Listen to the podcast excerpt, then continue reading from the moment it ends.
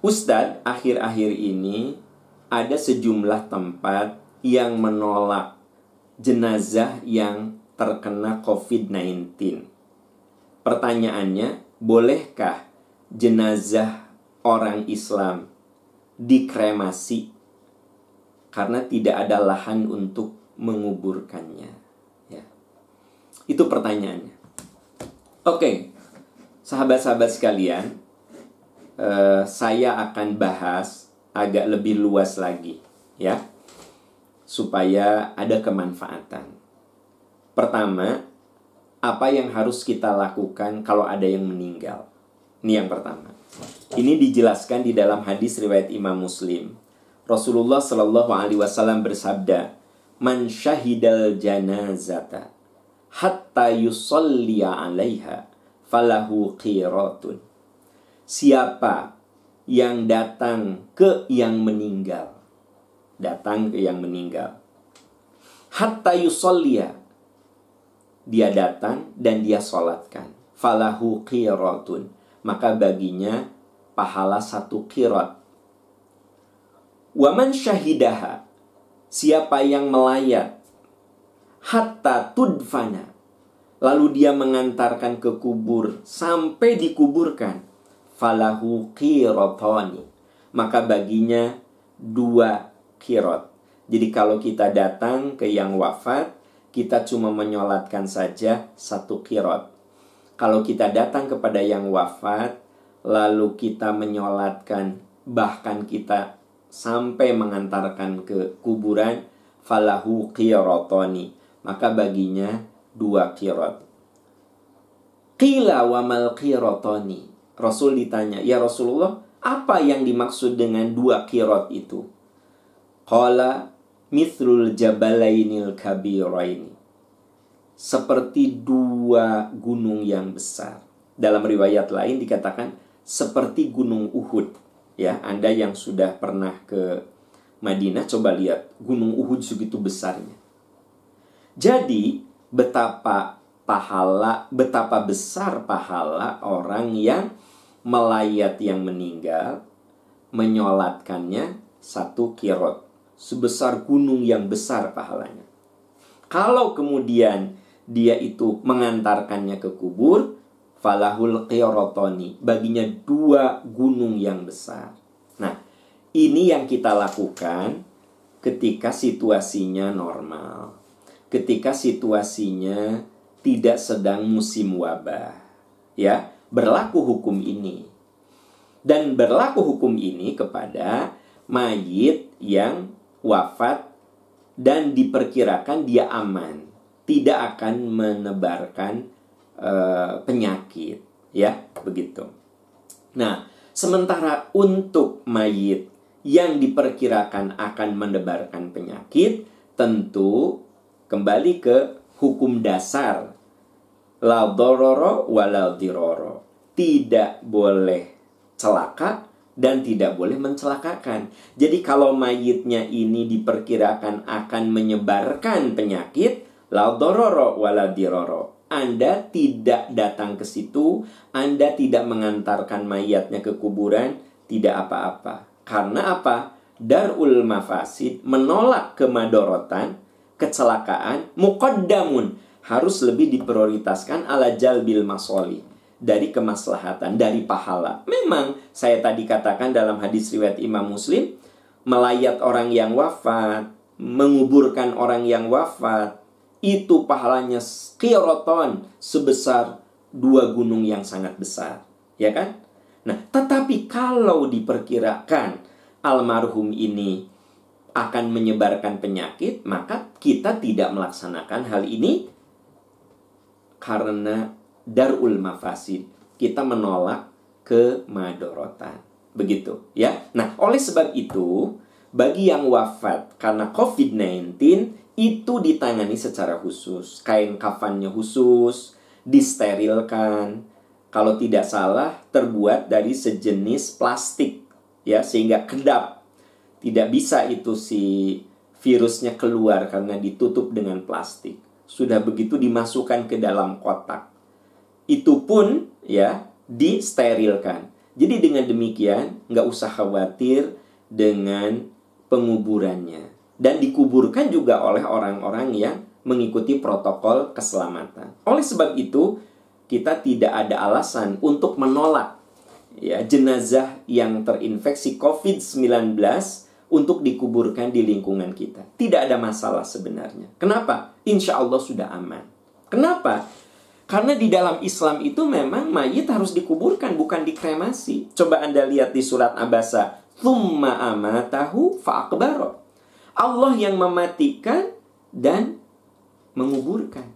Jadi ternyata dalam uh, hukum Islam yang namanya mayit itu thumma amatahu fa'akbaro.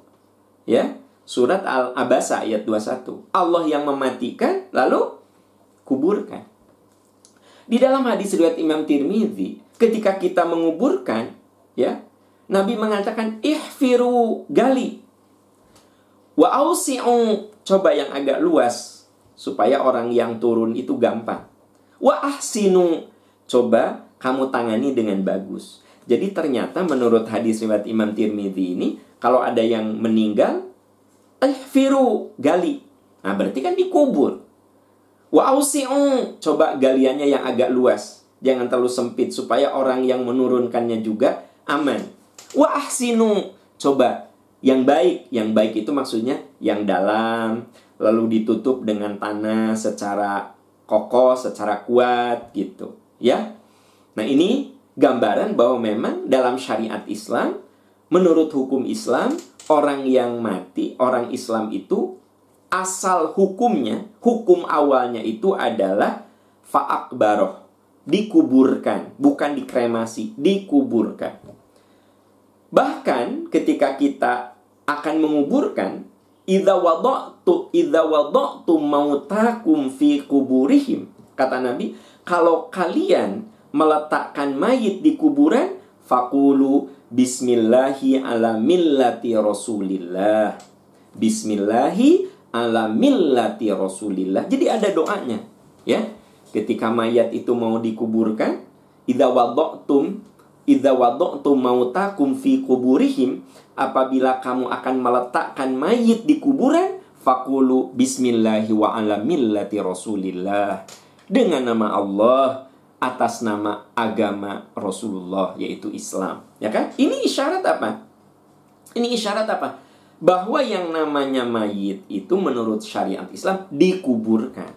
Lalu di dalam hadis lain dikatakan karena Nabi Shallallahu Alaihi Wasallam idza min dafnil mayit Rasulullah itu apabila selesai menguburkan, nah, jadi dikuburkan. Waqafa alaihi faqala. Nabi berdiri. Lalu Nabi berkata, Istaghfiru li akhikum wasalu, wasalu lahu bitathbit fa innahul ana yus'alu. Hadis riwayat Abu Dawud. Katanya Nabi apabila selesai menguburkan waqafa alaihi. Beliau berdiri di kuburan di situ. Ya, setelah dikuburkan beliau berdiri. Lalu beliau katakan, "Istaghfiru li akhikum."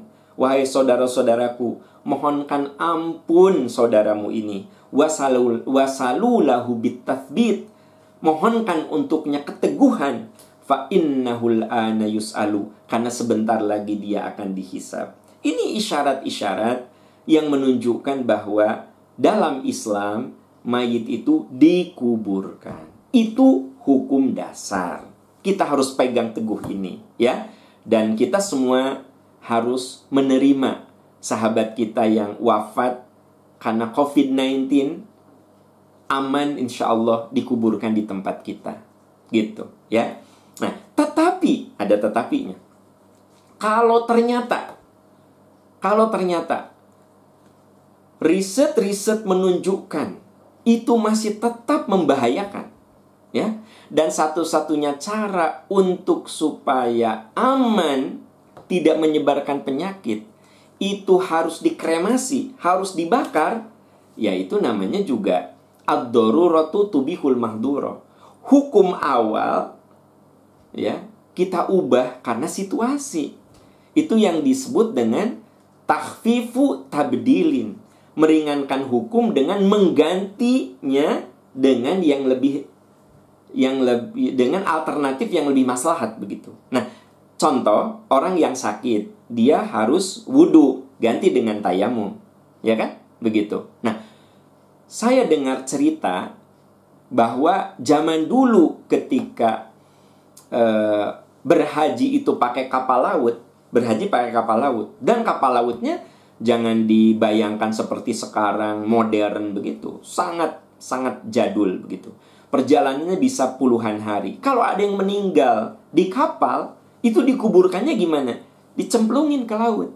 Nah, kenapa tidak dikuburkan? Ya karena kondisinya harus karena kalau harus dikuburkan ya keburu keburu uh, apa? keburu berbau itu mayit. Akhirnya dicemplungin ke laut. Kenapa? Itulah kondisinya karena di kapal laut saat itu saya dengar cerita dari guru-guru saya yang pernah melaksanakan haji dengan kapal laut itu berpuluh hari di kapal laut. Jadi kalau ada yang meninggal itu dicemplungin ke laut begitu. Nah itu boleh tidak? Boleh karena situasinya seperti itu. Nah seperti halnya pertanyaan Anda, boleh nggak dikremasi orang Islam? Hukum dasarnya tidak boleh. Dikuburkan seperti yang saya sebutkan dalil-dalilnya. Tapi kalau tidak ada jalan lain kecuali harus dengan cara begitu, ya menjadi boleh. Ad-daruratu tubihul mahduro sesuatu yang madorot, sesuatu yang tadinya tidak boleh menjadi boleh karena kedaruratan. Wala adin. Siapa yang terpaksa dan kitanya pun tidak mau melakukan hal itu, tapi terpaksa harus lakukan, fala isma alai, tidak dosa baginya. Nah, jadi sahabat-sahabat tercinta, orang Islam kalau meninggal dikuburkan dan ada mekanisme penguburannya. Tapi untuk sebuah kedaruratan boleh saja dikremasi kalau tidak ada jalan lain kecuali harus dengan cara begitu. Ingat, ini boleh karena darurat. Prinsip hukumnya tidak boleh. Prinsip hukumnya tidak boleh dikremasi, prinsip hukumnya harus dikuburkan. Wallahu a'lam bissawab. Semoga Allah membimbing kita dengan hidayah dan kebenaran.